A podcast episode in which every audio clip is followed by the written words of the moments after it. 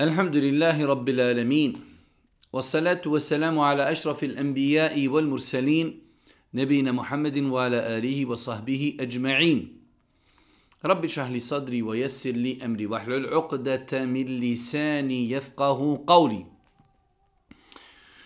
Doista svaka zahvala pripada uzvišnom Allahu subhanahu wa ta'ala, salat mir i selam na Allahog poslanika, Allahog milnika Muhammed, alihi salatu wasalam, njegovu časnu porodcu, zorte ashabe i sve ljude koji slijede put istine do sudnjega dana.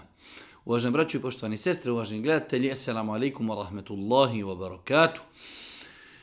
Evo nas u još jednoj emisiji u kojoj se družimo s vašim pitanjima i vašim dilemama. Ako smo dobro brojali, ovo je naša 103. emisija.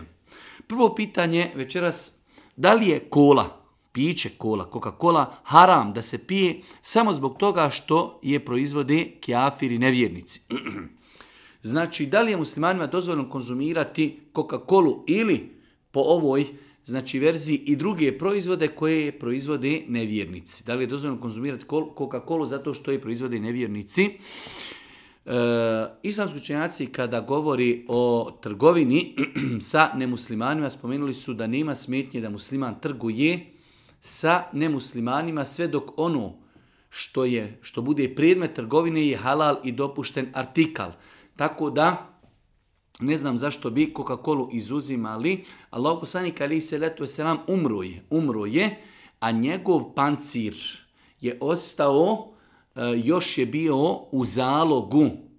Znači dao ga je u zalog e, jednom židovu, a od njega je uzeo u kompenzaciju e, određene prehrambene artikle. Tako da to je opet vid trgovine sa nemuslimanima.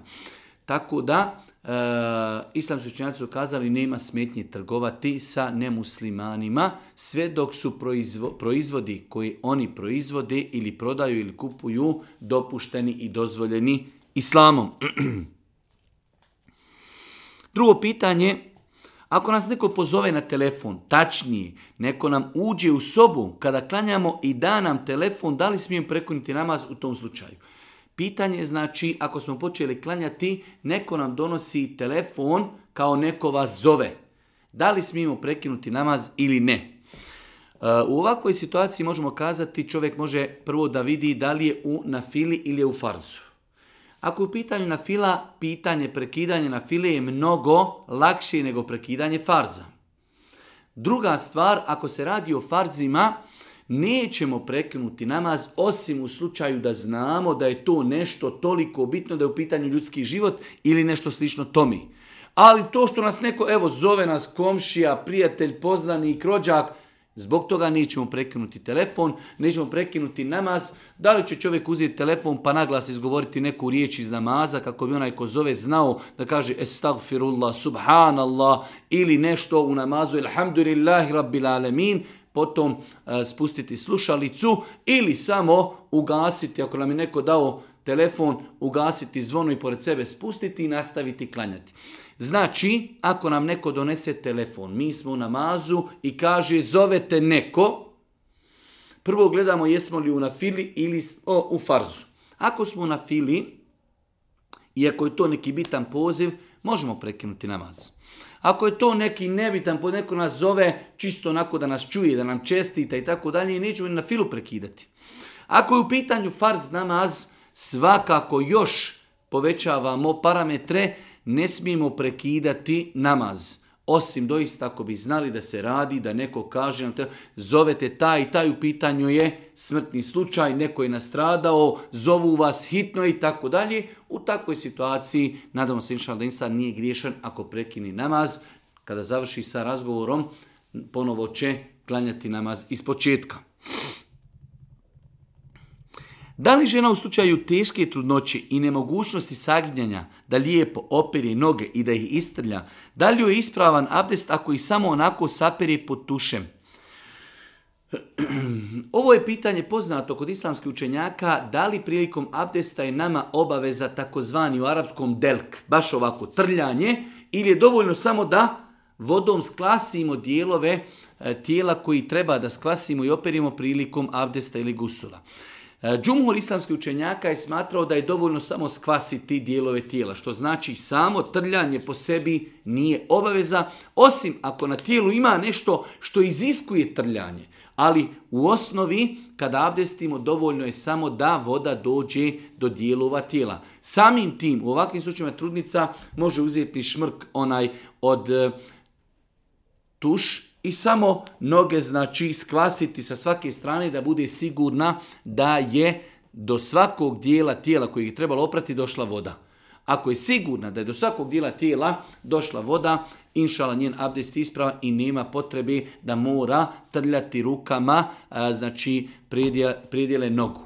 Znači imamo pitanje, trudnica pita da li može, jednostavno zbog stomaka ne može dohvati svoje znači stopala, da li može samo da uzme šlauf ili šmrk ili vodu, da jednostavno da samo skvasi, ali da ne trlja rukama i rekli smo da je tačno mišljenje, mišljenje džumhura, da nema smetnji u takvim situacijama da se samo noga stavi pod vodu i da se šmrkom znači ona saperi, ali da budemo sigurni da je voda došla do svakog dijela kojeg je bilo potrebno oprati.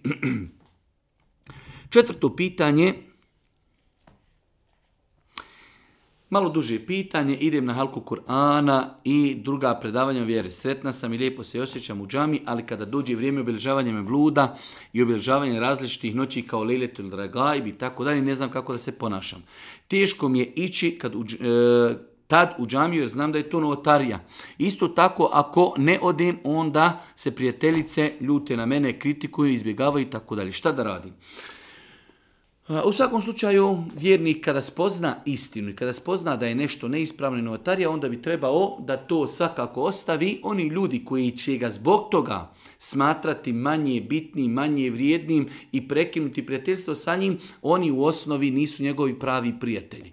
Čovjek treba svojim prijateljima kaže izvinite, ja novotarijom smatram mevlud, smatram leletor ragaib novotarijom i zbog toga ne pristujem. Ako vi zbog toga mene ne prihvatate, pa mi u osnovi i ne treba da budemo prijatelji, jer vi znači znate da je to neispravno i ne samo da znate da je neispravno, vi prisustujete i želite i mene navesti da budem zajedno sa vama u tim novotarijama, što svakako nije ispravno. Tako da vjernik treba da da prednost Allahu, njegovom poslaniku, propisima vjeri, što bi naš narod kazao, Allahov hatar treba da mu bude na prvom mjestu. Svakako, neće na grub način e, ljudima pristupati. Kazat će tim svojim prijateljicama, ja ne mogu pristupati, čula sam, naučila sam da je to neispravno. Allah vas nagradio i vi bi trebali razmišljati i vi da ne prisustujete, da zajedno se spasimo tih novotarija, ali ako ćete me zbog toga odbaciti, što ja ne želim sama da budem u novotariji,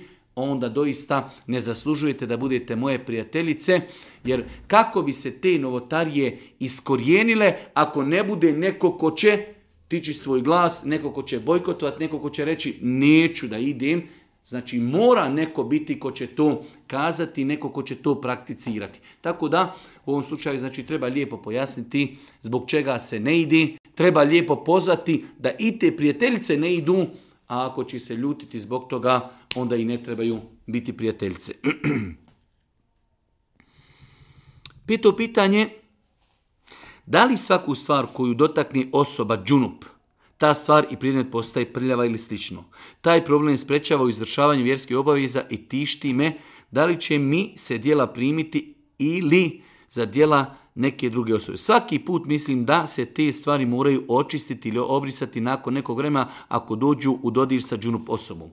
Nije znači tačno e, da osoba džunup, žena u hajzu, nifasu i džunup osoba, ako nešto dotaknu da je ta stvar postala nečista. To je znači neispravno vjerenje, nikada niko od islamskog nije kazao da džunup osoba ili žena u hajzu i nifasu ako nešto dotakne da je to nečisto. Znači, čak Boži poslanik Ali se ratio s Ramonom vjerodostojnom hadisu Buhari i muslima, kada je Ebu Hureyre bio džunup, pa je izašao ulicama Medine, hodao je sa Božim poslanikom, držao ga je za ruku, pa kada su sjeli, onda je Ebu Hureyre nalagano otišao, bez da je to primijetio Boži poslanik, okupao se, vratio, pa ga je Boži poslanik pitao, kaže, a gdje si bio? Ej, ne kunte ja Eba Hureyre, gdje si bio? Kaže, Boži poslanik će bio sam džunup, pa sam otišao da se okupam, bilo me je stid.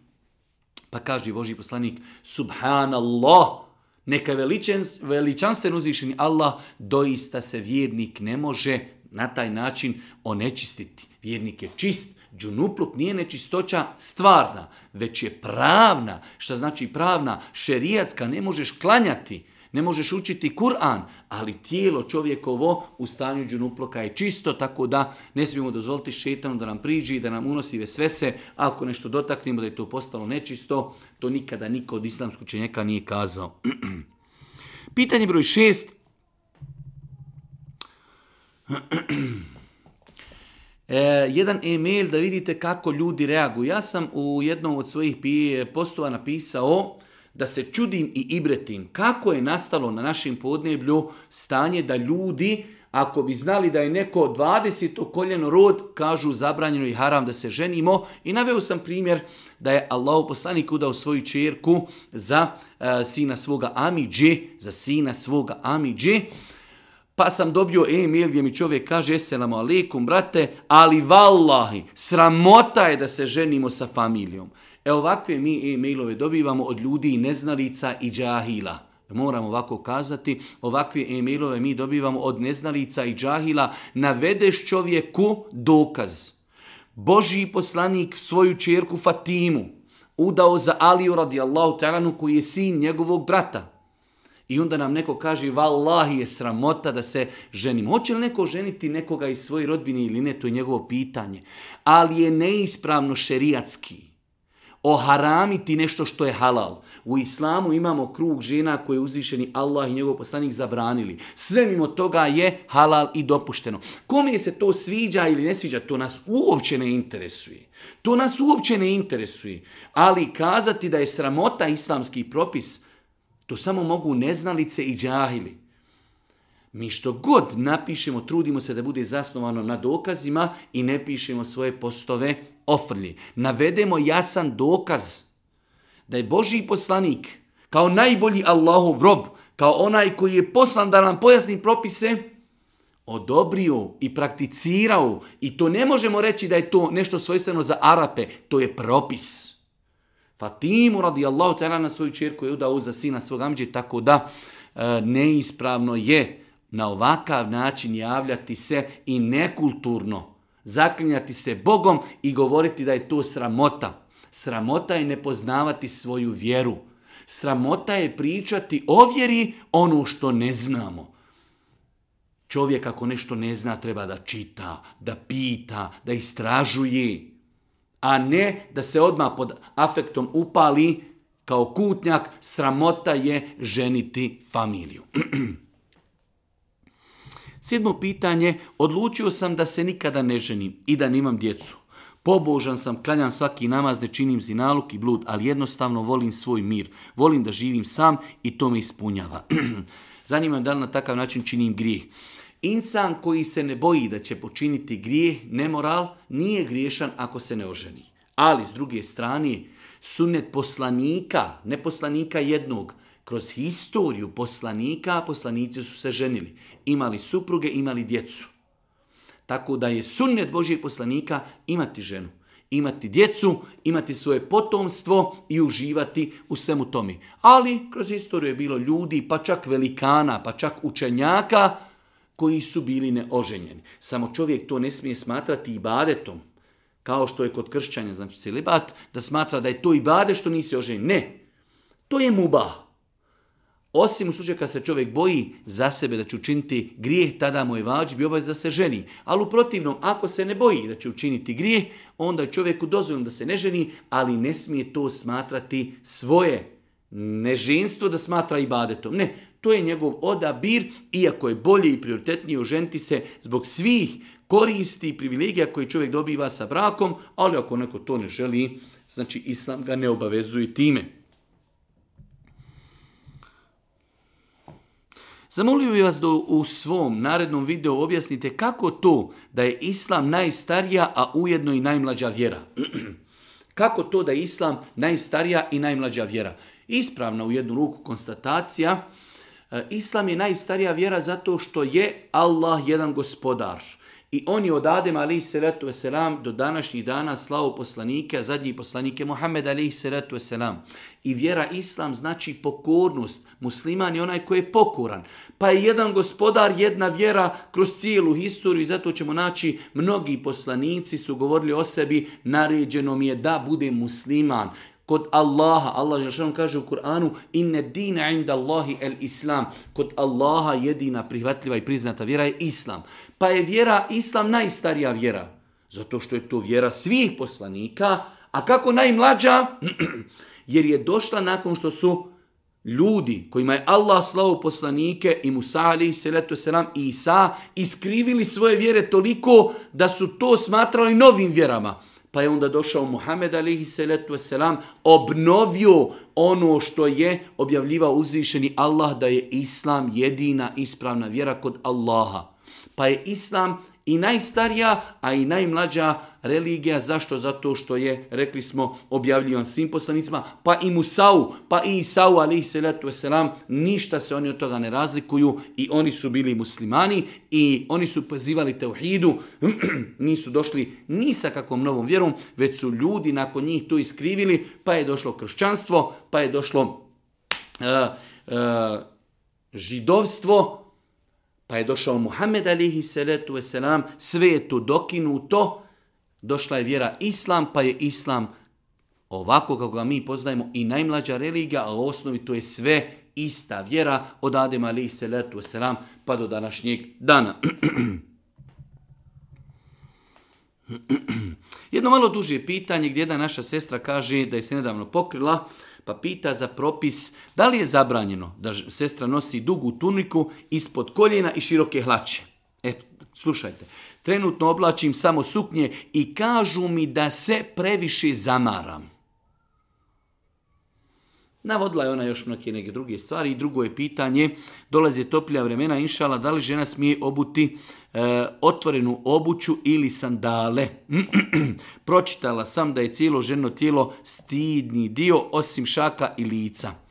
I tako dalje. Dva pitanja, znači da li žena može da nosi hlače i da li, da li žena može da otkrije stopala prilikom izlaska iz kući. E, netačna je konstatacija od ljudi koji kažu da je nošenje džilbaba i suknji zamaranje. To je propis. Nošenje suknja hlača nije dozvoljeno osim u kući. Ali vidite kako šeta ne da mira. Znači umjesto da pustimo ženu koja se ispravno pokrala, kajem Allah da ti olakša, Allah te nagralju, ne. Mi nju pozivamo u dalalet i batil pa kažemo to je zamaranje. A nije zamaranje, slijedjenje šetanja, izigravanje sa hijabom i pravilnja od hijaba ono što nikad niko od učenjaka nije dozvolio. Pa žena može nositi dvodjelni džilbab ili hijab, da nosi tuniku i da doli ispod nosi suknju. Suknja hlače nije ispravno da nosi napolju. Kada su u pitanju stopala, e, dio učenjaka Eh, je smatrao da stopala nisu avret, ali i dio učenjaka je smatrao da su stopala avret, stoga žena vjernica, mu'minka, ne bi trebala sebi da dozvoli da izlazi iz kući otkrivenih stopala, ne doliči. Evo sada da zamislimo, žena nosi mahramu, nosi džibab i dole ispod sjevaju njene noge bez čarapa. Tako da žena vjernica ne bi trebala se poigrava sa takvim pitanjima, već bi trebala da svoje noge pokrije da li čarapama ili će obući neku obuću e, znači kroz koju se ne vide njena stopala i njene noge. Deseto pitanje. Bavim se pravljenjem torti i sada imam jako puno poručbi torte kojima se čestita umra. I s time se želi da se napravi torta sa kjabom, te spihom, seđe, seđadom i slično tomi. E sada me neke sestre već prozivaju zbog toga, kažu da, da ti nije dozvoljeno praviti kabu i tako dalje. Mene zanima da li ispravno ili ne. U svakom slučaju, islamski učenjaci savrnog doba imaju podijeljene mišljenje u pogledu zaista slatkiša koji su napravljeni u obliku kjabi. Dio učenjaka je to dozvolio i smatrao da ono što je nama naređeno da poštojimo kabu odnosi se na kjabu lično, lično pa su shodno tome i dozvolili da se napravi slatkiš koji izgleda u obliku kjabi. Dio učenjaka je to zabranio i smatrao je da se na taj način u dušama ljudi e, uvlači i odgajaju se ljudi na e, e, skrnavljenju svetosti kjabi. Kao imamo danas kjabu, ona je u obliku torte, mi je režimo, mi je cijepamo, mi je jedemo i tako dalje. Stoga moj savjet ovoj sestri jeste da maksimalno izbjegava pravljenje torti koji su u obliku kjabi, ali isto tako e, nekada mi kada vidimo da neko nešto radi i mi smo zauzeli stav, trebamo shvatiti da imamo i drugačiji stavova i neko možda je prihvatio neki drugi stav, pa nekoga kritikovati, možemo na lijep način sa njim porazgovarati i zato ja i savjetujem da se to izbjega. Što se tiče da se napravi neki ukras u obliku seđadi, u obliku tespija, to inšala bizna nije sporno. Već govorimo prvenstveno o e, slatkišima u izgledu kjabi. Dio učenjaka je to dozvolio i to baš jakih učenjaka, ali isto tako i dio je smatrao da je to zabrano, pa je to bolje izbjegavati. A ostali stvari da se stavi kao ukras tespih ili seđada, to ako Bog da nije ispravno.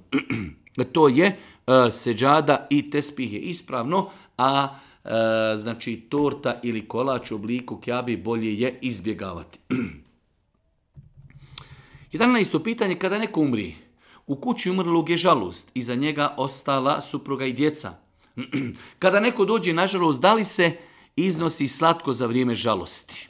Da li je to nama dozvoljeno ili nije? Ne vidim uopšte ništa sporno u tome da se ljudima koji su došli dan, dva, tri, četiri, pet, sedam, deset dana nakon smrti nekoga, došli su nažalost i da im mi ne smijemo iznijeti nešto slatko za počastiti. Ne vidim uopšte uzročno posljedičnu vezu šta ima veze, Neko je došao, na, nažalost sad bi mi trebali samo šutjeti i ništa ne govoriti, ništa ne jesti. Ne vidim ništa sporno da se ljudima iznese sok, da se iznese kahva, da se iznese neki e, kolač. Ne vidim u tome nikakve veze između jedenja slatka i između žalosti. Čovjek je preselio, otišao je svome gospodaru, ljudi su došli da, da e, izraže saučešće toj porodci, da im pomognu, da ih utješi, ne vidim u tome ništa loše, da se iznese kahva, čaj, sok, neki kolač, ne vidim u tome ništa sporno, niti vidim da to, e, da bi se na taj način kao e, umanjila njihova žalost ili nešto slično. tome. Re, vjernik sam i redovno obljavljam nama. Znajme, u haram vezi sam sa jednom djevojkom kršćankom. Počinili smo blud i tako dalje.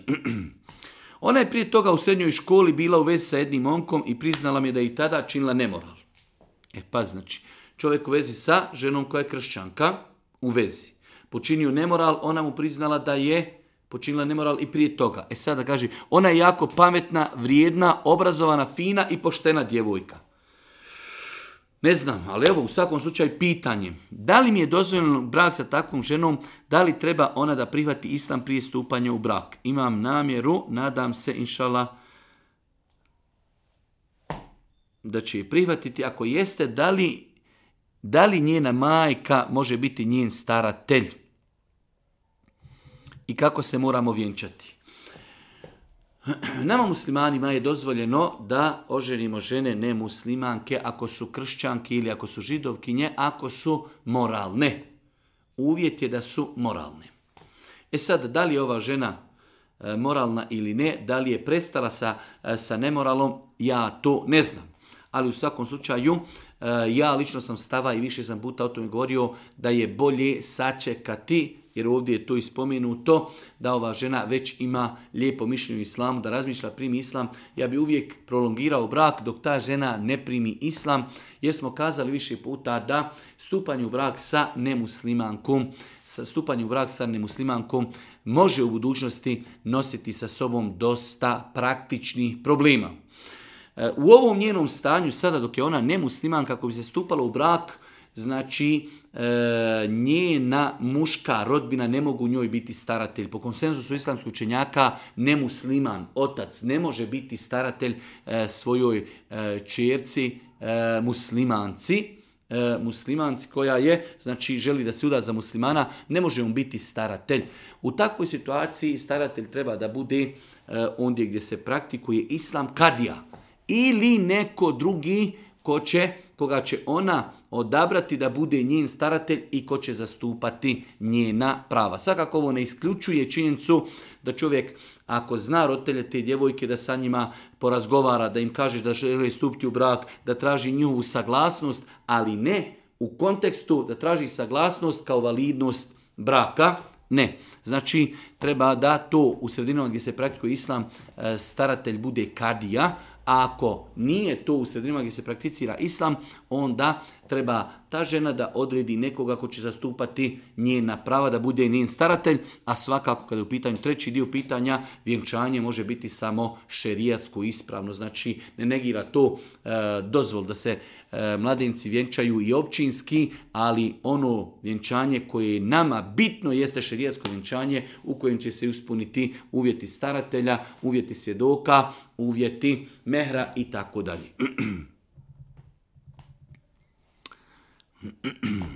Da li je dozvoljeno učiti ezan u džami čovjeku koji je popio alkohola za novu godinu? Znam da mu namaz neće biti privačen 40 dana. Ovo nema uzročno posljedičnu vezu između toga da je neko možda prije 5, 7, 10 dana pio alkohol i njegov namaz se ne prima. Dobro, on mora klanjati, ali to nima vezi sa ezanom. Zašto njegov namaz ne bi bio validan i primjer? Znači imamo čovjeka koji možda prije 7 dana konzumirao alkohol, danas je došao u džamiju i želi da prouči ezan. Ezan ima zatim nikakve veze, čak šta više. I namaz, on mora klanjati, ali mu nije primljen 40 dana. Tako da nema nikakve smetnje da osoba koja je prije nekoliko dana konzumirala alkohol, ako dođe u džamiju, i ako nema ko drugi da prouči ezan, da takva osoba prouči ezan, njen ezan je validan, njen namaz je validan, ali kao što je došlo u vredostojnom hadisma, znači namaz se ne prima, ali obaveza namaza i dalje ostaje.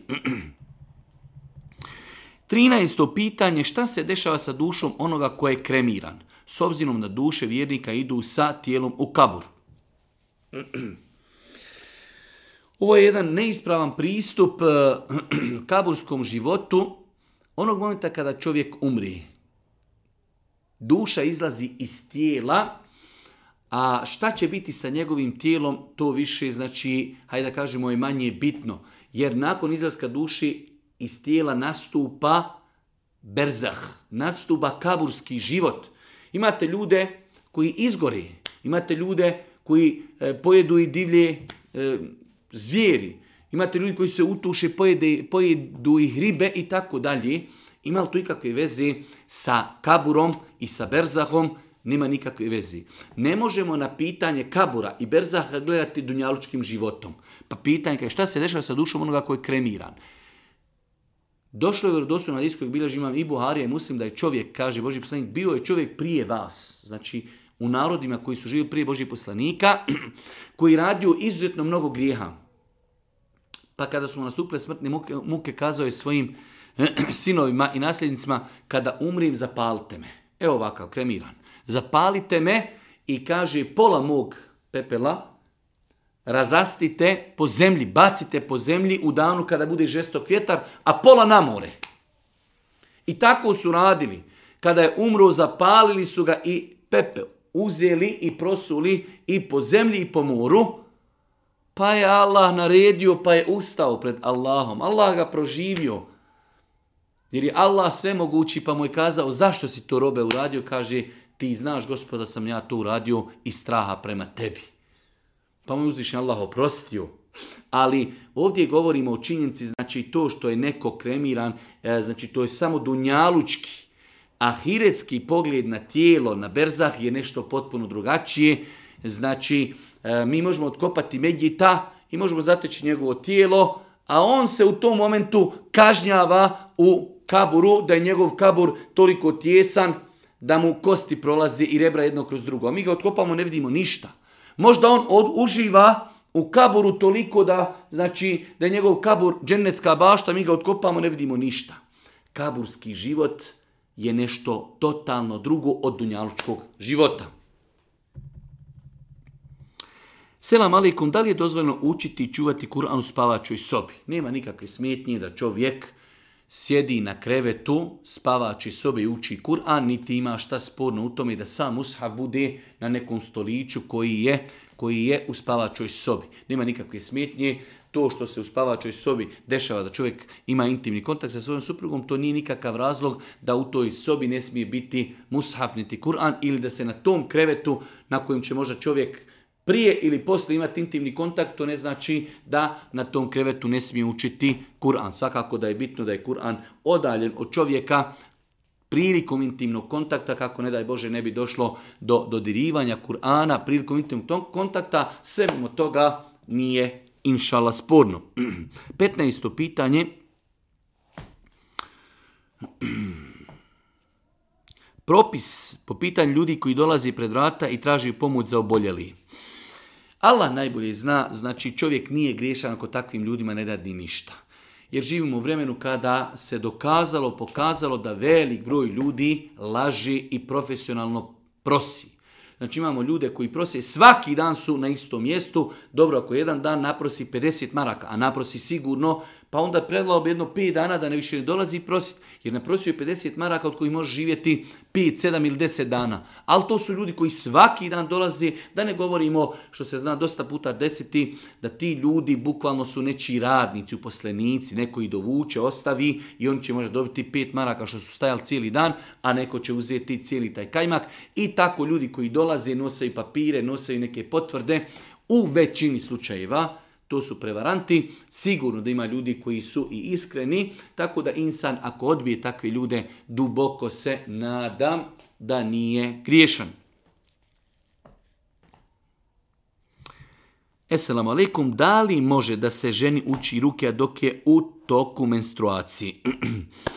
E, nema smetnje nikakve šerijatske smetnje da se ženi u toku mjesečnice uči rukja. Ovo govorim s aspekta islama s aspekta medicini e, ili znači neki, da kažemo, psihički moment, to je nešto drugo. Da li žena je spremna tada, da li nije, da li može, da li ne može, mi o tome ne govorimo. S aspekta islama, ima lišta sporno u tome žena u mjesečnici da dođe kod druge sestri, da stavi ruku njoj na glavu i uči rukju, ili dođe kod muškarca, lijepo šerijetski pokrivena, i on uči rukju, s aspekta islama nema nikakve zapreke da se ženi u toku mjesečnice hajza ili nifasa uči rukja. S aspekta medicine ili s nekog e, psihološkog aspekta, da li će ona ići ili neće, da li je zato raspoložen ili ne, to je nešto drugo. Mi govorimo s aspekta islama, nema nikakve smetnje da se ženi u toku mjesečnice uči ruka. Esselamu alaikum, je li se smije puhati u vruću hranu i piće? Islamski učenjaci su kazali da je pokuđeno pokuđeno puhati u hranu, bez obzira da li puhali u hranu koju ćemo mi jesti ili u hranu koju ćemo dati djetetu ili i drugom i bez obzira da li puhali u hranu ili u piće. Allahu poslanik u hadijskoj bilježi imam Ahmed stoji da je Ibn Abbas kazao neha Rasulullah ani nefhi fit ta'ami wa šarab. Ibn Abbas kaže Boži poslanik je zabranio da se puše u hranu i u piće. I u hranu i u piće. Sodno mi znači pokuđeno je da čovjek puši u hranu i u piće, bez obzira da li će davati djetetu, puši pa davati djetu ili jesti i bez obzira da li se radilo o hrani koja je u tečnom stanju ili hrani koja nije u tečnom stanju, hrana i piće nikako da se ne puši u tom.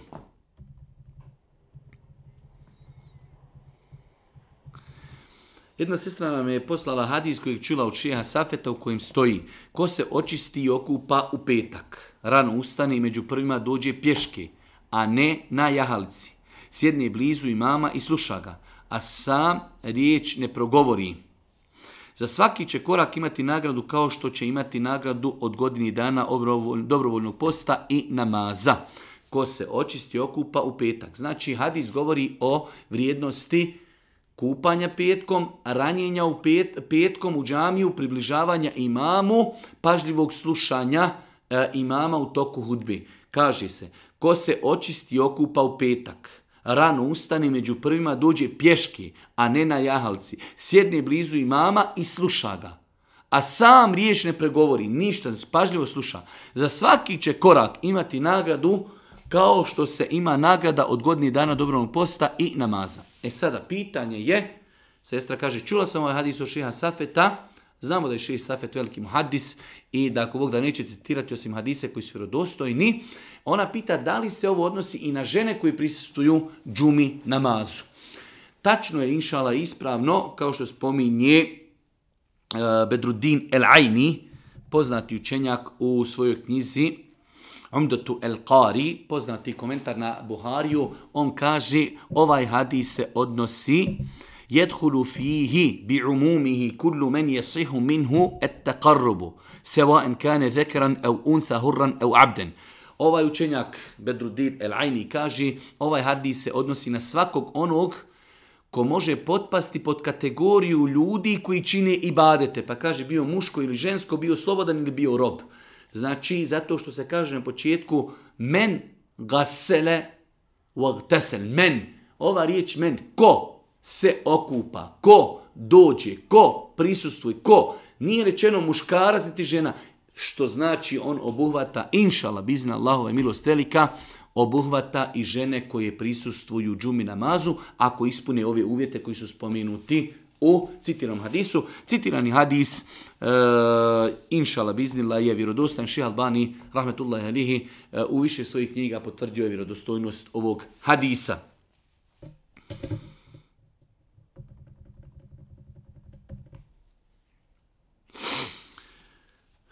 U današnje vrijeme naše države su naše države su u svijetu na neki način u današnje vrijeme naše države sve u svijetu na neki način radi sa kamatom. Plate koje zaradimo pa čak i sama valuta je neka vrsta kamate i tako dalje. Pitanje je kako čovjek da se ogradi e, od kamate, kamata je postala sastavni dio društva u kojem živimo i postojimo i tako dalje. E, ovdje je indirektno ovaj brat postavio pitanje da je Boži poslanik nagovijestio kao doći će vrijeme kada će se ljudi odati konzumiranju kamati do te mjeri da onaj ko se bude čuvao kamati, njega će zapahnuti para. U jednom rivajetu je došla para, a u jednom prašina kamati. Prva stvar ovaj hadis u pogledu ovog hadisa, ovakvog, postoji razilažen da li je vjerodostan ili ne. E, bez obzira bio on vjerodostan ili ne, treba da znamo da je nama vjernicima kamata zabranjena i da se trebamo truditi da je maksimalno izbjegnemo. Nažalost, mi živimo u vremenu kada se ljudi odali kamati i onda kada su e, prisiljeni i kada nisu. Čovjek treba vjernik da se trudi, e, da radi, da zarađuje na halal način. To što mu nekada određene stvari mogu biti nametnute, ne mora znači svaki puta ima e, znači dodira sa kamatom. Ako moja ba, radim ja u školi, primjer radi, i moja plata liježe na žiro račun banke koja je kamatna ali moje poslovanje sa tom bankom nema nikakve veze sa kamatom. Pa ne treba govoriti da su plate naše vezane za kamatu ili znači svaki posao. Mi u datom momentu možemo biti prisjeljeni da sarađujemo sa bankom kamatnom, ali ne moramo mi poslovati kamatno. Tako da, e, generalno gledajući, kamata je jedan od najvećih grijeha, vjernik treba maksimalno se trudi da izbjegava. Ako mu to u datom momentu nekada bude nametnuto, ne može izbjeći, Allah Žešanu zna e, da insan preziri grijeh, kao što nam je nametnuto osiguranje prilikom registracije vozila, da se to i kako može izbjeći, ja bi to izbjegao jer nije dozvoljeno, ali nam je to nametnuto, mi to platimo, ali znamo da je haram i svodimo to na minimum. Tako isto i u nekim poslovanjima, ondje gdje je čovjeku nametnuto, mora poslovati, a nekomu je nešto nametnuo, gospodar zna da je čovjek prisiljen. Ali ako imamo alternativu, kao što su pitanju kamatni krediti, da kupimo kuću, ne želimo biti pod kirijom, ne, to je alternativa, već govorimo o situacijama ako nam je to nametnuto, a duboko sam ubijeđen da onaj ko hoće da živi i da ne pada i ne potpada pod kamatu, da on to može izvesti.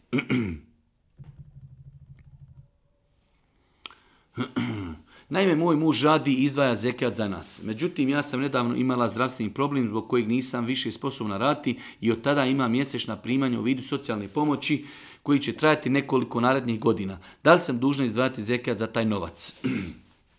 Mi smo više puta govorili da kada je u pitanju e, zekijat e, čovjeka i supruge, da svako od njih treba da izdvaja zekijat na svoj novac onda kada dostignu nisa i kada njihov novac zasebno pregodini. E ovdje sestra kaže ona će dobivati neku socijalnu pomoć. Da li mora ona izdvajati e, zekijat na socijalnu pomoć?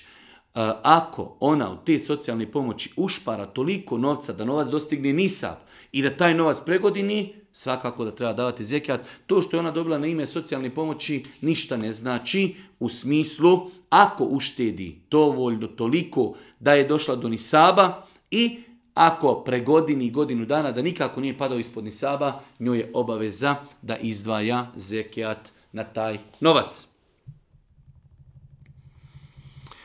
Imam pitanje u vezi potrebne po čarapama. Interesuje me koliko trebaju čarape da budu u visini članaka, u stvari dva, tri prsta preko članaka. Ili moraju biti mnogo duši.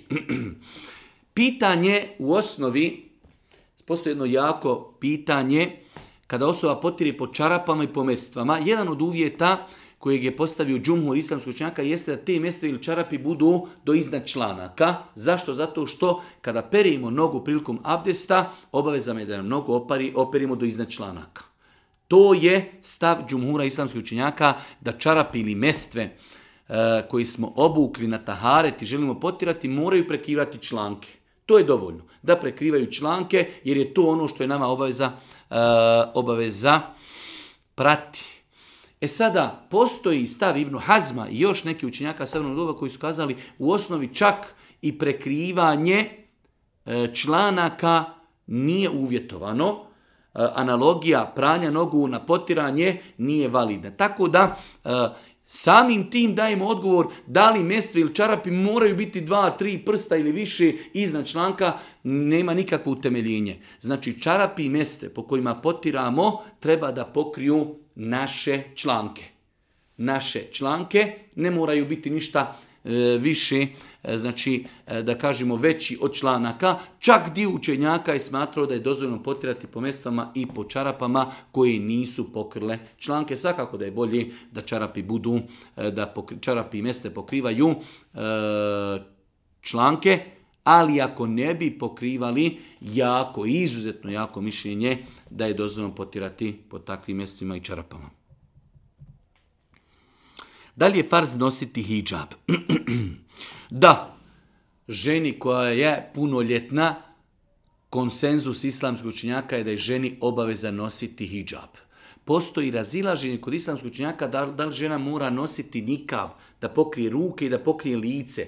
Tu postoji razilaženje. Ali u pogledu hijjaba, da žena nosi mahramu, da nosi džilbab, nakon njenog punoljetstva, islamski učenjaci u pogledu tog pitanja nemaju razilaženje. Znači, prema konsenzusu islamskih učenjaka, kuransko-hadijski argumenti jasno naređuju da žena nakon punoljetstva treba da nosi hijab, da pokrije svoju kosu, svoju glavu, da pokrije svoje tijelo, ostaje razilaženje kod učenjaka da li je ženi obaveza da pokrije nikab. Vidite, mi živimo u podemlju gdje ljudi se ismijavaju sa nikabom i smatraju e, da žene koje nose nikab su plaćenici i tako dalje. Svakako to je ciljano, jer na neprijatelji vjeri znaju koliko je bitno kada žena pokrije lice koliko se na taj način smanjuje fesad u jednom društvu, pa su našli šetansku zamku da kažu žene koje nosi nikab, one su plaćenici.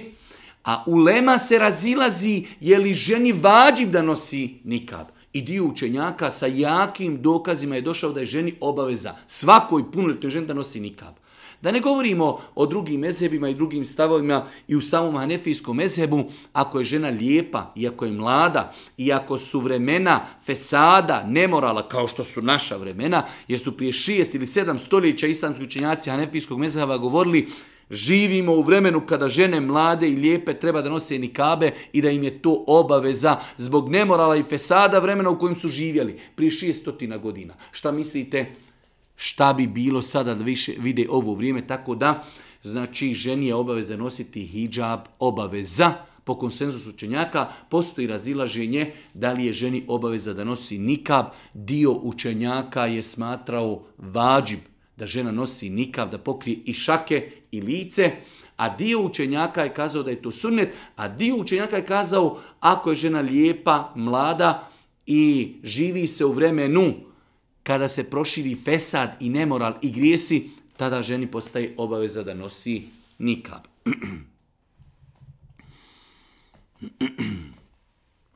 Naime, pošto se poslanik Mohamed može vidjeti u snu, kako se to postiži i šta i koliko treba da se radi da se to Allahom voljom i dozvolom ostvari.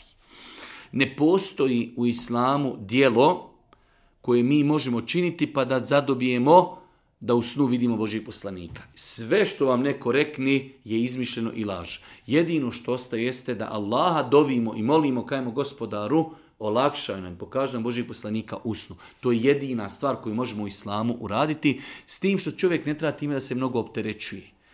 Mnogo više treba da se opterećujemo koliko znamo poslanika u svome životu koliko znamo njegovog sunneta i koliko praktikujemo eh, sunneta Božih poslanika u svakodnevnom životu. To što neko vidi poslanika, ovo moramo zapamtiti, uopće ne znači da je on neki pobožnjak. Ili to što neko nikad nije vidio poslanika, uopće ne znači da on kod Allaha nima visoko mjesto. Znači, imate ljudi, jedno čovjek pijano, čovjek neklanjaka, ali ja sam vidio poslanika. U redu, i? Kao da je dženetlija, kao da je... Ne, ne, ne. Viđenje Božijeg poslanika, ali se nam u snu, ne nosi nikakvu dodatnu privilegiju.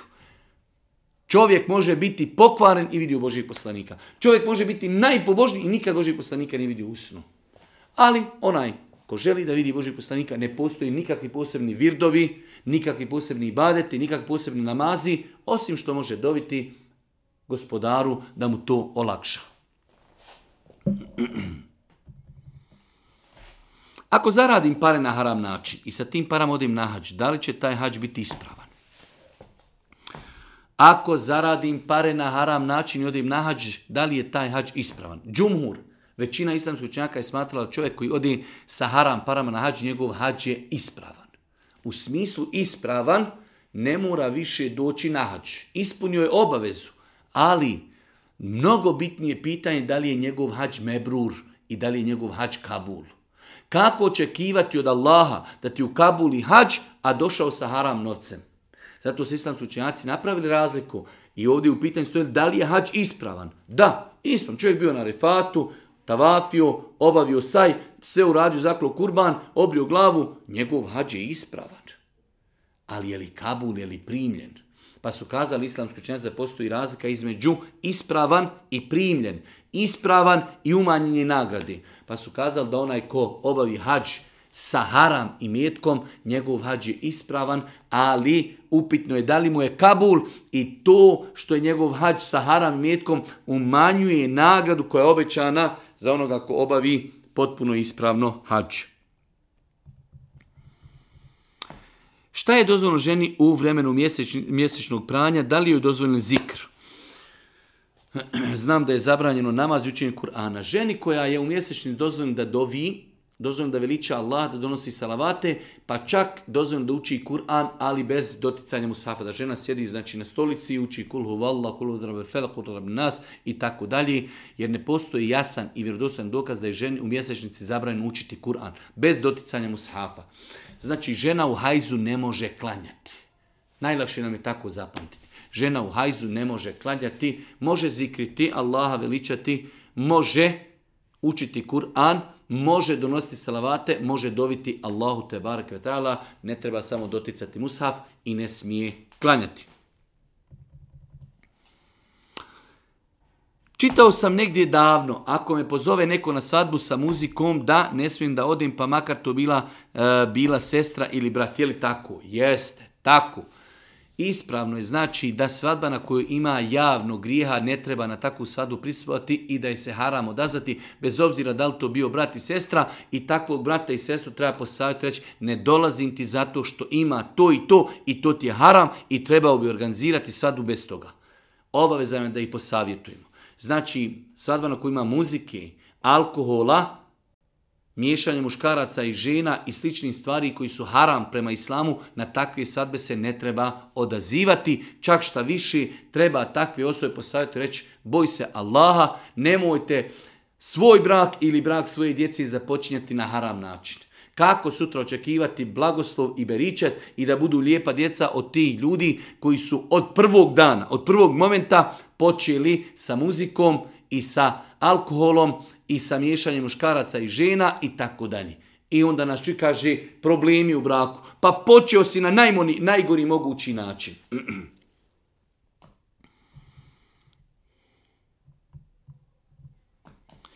Ima jedno pitanje u vezi Ademove jabuke. Ja danas čitam šta je rekao Ademova jabuka, Allahu ekber.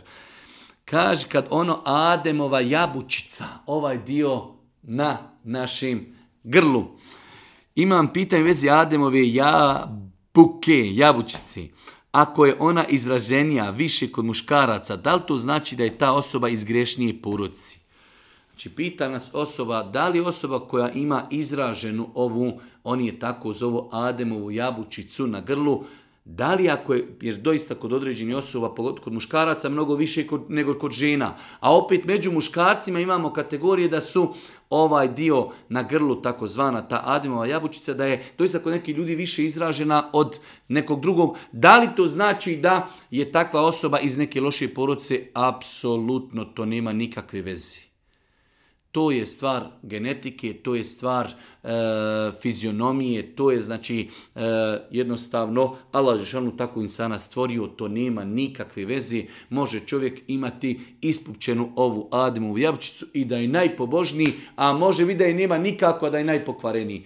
To nema nikakve veze ni sa insanom, njegovom pobožnošću ili, ne daj Bože, grešnošću, niti sa njegovom porodicom u smislu da li je njegova porodica bila pobožna ili ne. Jedno malo duže pitanje, 29. radim u toj toj firmi kao montir prozora. Prije priče iz mjeseci počeo sam da klanjam slušajući vaša predavanja. Stanujem 50 km od rotelja. E sad, nedavno sam dobio porku od rotelja kako pričaju pojedini ljudi da sam vehabija i da ne nije lijepo što radim. Vidite, Čovjek otišao od svojih rotelja, zaposlio se, na halal način stiče na faku, počeo klanjati i roditelji šalju djetetu daleko od njih 50 km kako komšiluk priča otišao on u Vehabije. Kaže, i nije lijepo to što radi. Te njegove komšije da su čule da se on drogira, da ide u diskoteke, da je nemoral, niko ne bi ništa pričao. Već kada je otišao da klanja, i čuva sebe i svoju oporocu i svoj obraz i moral i vjeru, tada komšiluk počinje da priča. Nažalost i njegovi roditelji su nasjeli na tu priču pa sekiraju to svoje dijete. E to smo mi pravi, onaj balkanski mentalitet, zatupljeni, kojeg interesuje šta tamo neko dijete na 50 km radi i to klanja, otišao u vehabije i nije dobro to što radi. Kamo sreće da se taj naš komšiluk tako sikira za to dijete, jel našao posao, i kamo sreće da se tako za njega sikiraju da je otišao u diskoteku i da je otišao u nemoral. Nikog tada se ne bi za njega sikiru. Niko nek bi rekao da pogrešno radi. Ali kada je ošao u džamiju, kada je pošao klanjati, slušati predavanja, eto ga otišao u vehabije. Pa je ovo pouka i poruka svim našim roditeljima. Zahvalite Allahu, Đelešanu i padite na seždu kada čujete da vaše dijete radi, zarađuje, čuva vaš obraz, klanja namaz, pazi na Allaha, pazi na vjeru. Ostavite se krkanluka i krkanskog komšiluka kojeg interesuje čije dijete je počelo. U tim kućama, tih komšija, ima njihovi sinova i čeri koji se opijaju i drogiraju i razgoličeni i nemoralni i njima to ništa ne smeta. Već im smeta nečije dijete na 50 km koje je počelo klanjati. Pa je ovo pouka i poruka ovom našem bratu i svima sličnima. Nemojte se osvrtati šta komšiluk govori o vama, sve dok idete putem istine i sve dok tražite zadovoljstvo svoga gospodara, nije se rodio koje je narodu ugodio, a pogotovo našim narodu nemoguće ugoditi. Zato se trudite da budete što bolji, čestiti, moralni, vjernici, dobri radnici na poslu, čuvajte obraz svoje mame i svoga babi, budite pošteni, klanjajte svoj namaz, na vrijeme stupite u brak, a šta će ljudi reći? neka samo na jedno uđe, na drugo izađe.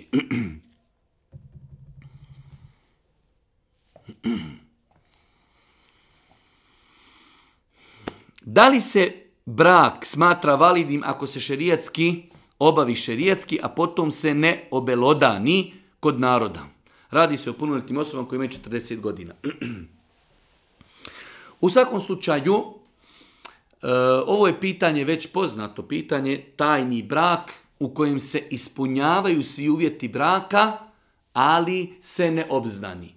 Eh, ja lično smatram da se ne treba sa ovakvim pitanjima poigravati, pošto imamo ljude koji kada čuju ovakva pitanja, onda izbrišu sve one uvjete braka, kaj rekao je Pezić, možemo se tajno vjenčati da niko ne zna, bez staratelja, bez svjedoka, bez mahra, bez ičega, čovjek i žena u magazu i kaže čovjek je pručio dovo i mi smo halal. Ne.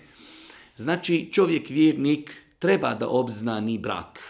Ali u nekim situacijama se može desiti da e, trenutačna situacija je takva da jednostavno ljudima ne odgovara da se proširi i pročuje za određen brak. Ono što je bitno da se ne poigravamo s brakom. Brak, validan brak je onaj brak gdje ima saglasnost staratelja. Znači čovjek zna da će se njegova čirka udati za tog čovjeka, ali on kaže trenutno nismo u mogućnosti iz određenih opravdanih razloga da to mnogo širimo ali uzimam vašu čirku, staratelj mu daje saglasnost, ima mehr, imaju svjedoci, svi su uvjeti ispunjeni, u nekim vandrednim okolnostima ja bi to dopustio. Ako zaista postoje jaki razlozi za to. U protivnom, treba da se to raširi da se zna kako bi se napravila razlika između onih koji se vodaju, hodaju, žive nelegalno, nako, nevjenčani i između onih koji se šerijetski ispravno vjenčaju. Čovjek treba da se ponosi što je stupio u brak i što je zasnovao bračnu zajednicu. To treba da bude ponos i to treba da se razglasi. Ali postoje doista neke vanredne situacije. U takvim situacijama bitno je da se ispune osnovni uvjeti stupanja u brak. Ovo nikako ne znači odobravanje poigravanje sa brakom bez staratelja, bez sedoka, bez mehra, bez oglašavanja, mi smo najveći protivnici. Tomi.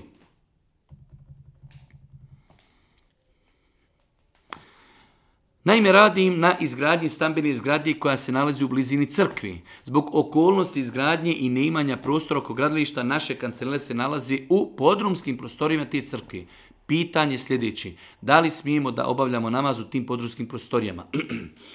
znači, čovjek ima gradilište, njegova firma je od crkve iznajmila podromske prostorije da im tu budu kancelarije, može li se tu i klanjati namaz? Inšala biznila može. Ako nema drugo mjesto, nema smetnje nikakve da se klanja namaz u takvim prostorijama. Ono što je bitno i potrebno da mjesto gdje čovjek klanja nema nikakvi freski, da nema nikakvi ikona, da nema nikakvi slika, iako Bog da njegov namaz je validan i ispravan. Imam pitanje vezano za ženu kako abdestiti kada putujemo. Mi putujemo i po 20 sati, zato me interesuje kako da abdesti žena, e, da ne otkriva ruke, kosu i tako dalje.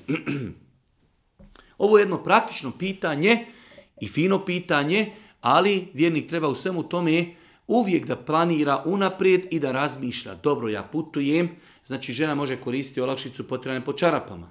Govorit ćemo detaljnije poslije o tome može potirati po mahrami. Znači ostaje taj momenak pranja ruku, uvijek se žena može sklonuti u neki WC ili uzeti neki čaršaf gdje će se zenaš zaštititi i oprati ruke da je niko ne vidi. Tako da e, E, bitno je poznavati olakšice koje nam je dozvolio islam i šerijat, a to je žena može potirati po čarapama. Ako znamo da idemo za Bosnu i vošćemo se 20 sati, onda ćemo svi u poroci abdestiti i obući čarape. I svi možemo potirati po čarapama. Ženski dijelovi, članovi društva, e, poroci, abdesti će i stavit će mahrame na glavu, da prilikom abdesta mogu potrati po mahrami. Ostaje otkrivanje ruku, e, boga mi, to treba da se potrudimo da žena uđe u ženski toalet i da lijepo abdesti gdje je niko ne vidi, ili ako abdesti na otvorenom, da uzmemo neki čaršav koji ćemo staviti lijepo sasvom u auto, razmišljamo unaprijed, aha, treba će nam čaršav, zastrin svoju suprugu, ona lijepo abdesti, ponosno, čestito, moralno, vjernički, žena abdestila ili je poklanjamo. Tako da, znači, samo kada se hoće, može se. Ko neće, naći će izgovora. Ko hoće, naći će načina. Tako da, znači, e, nema nikakve, e, da kažemo, e, opravdanosti da insan zbog toga ne abdesti ili ne daj Bože da ne klanja namaz.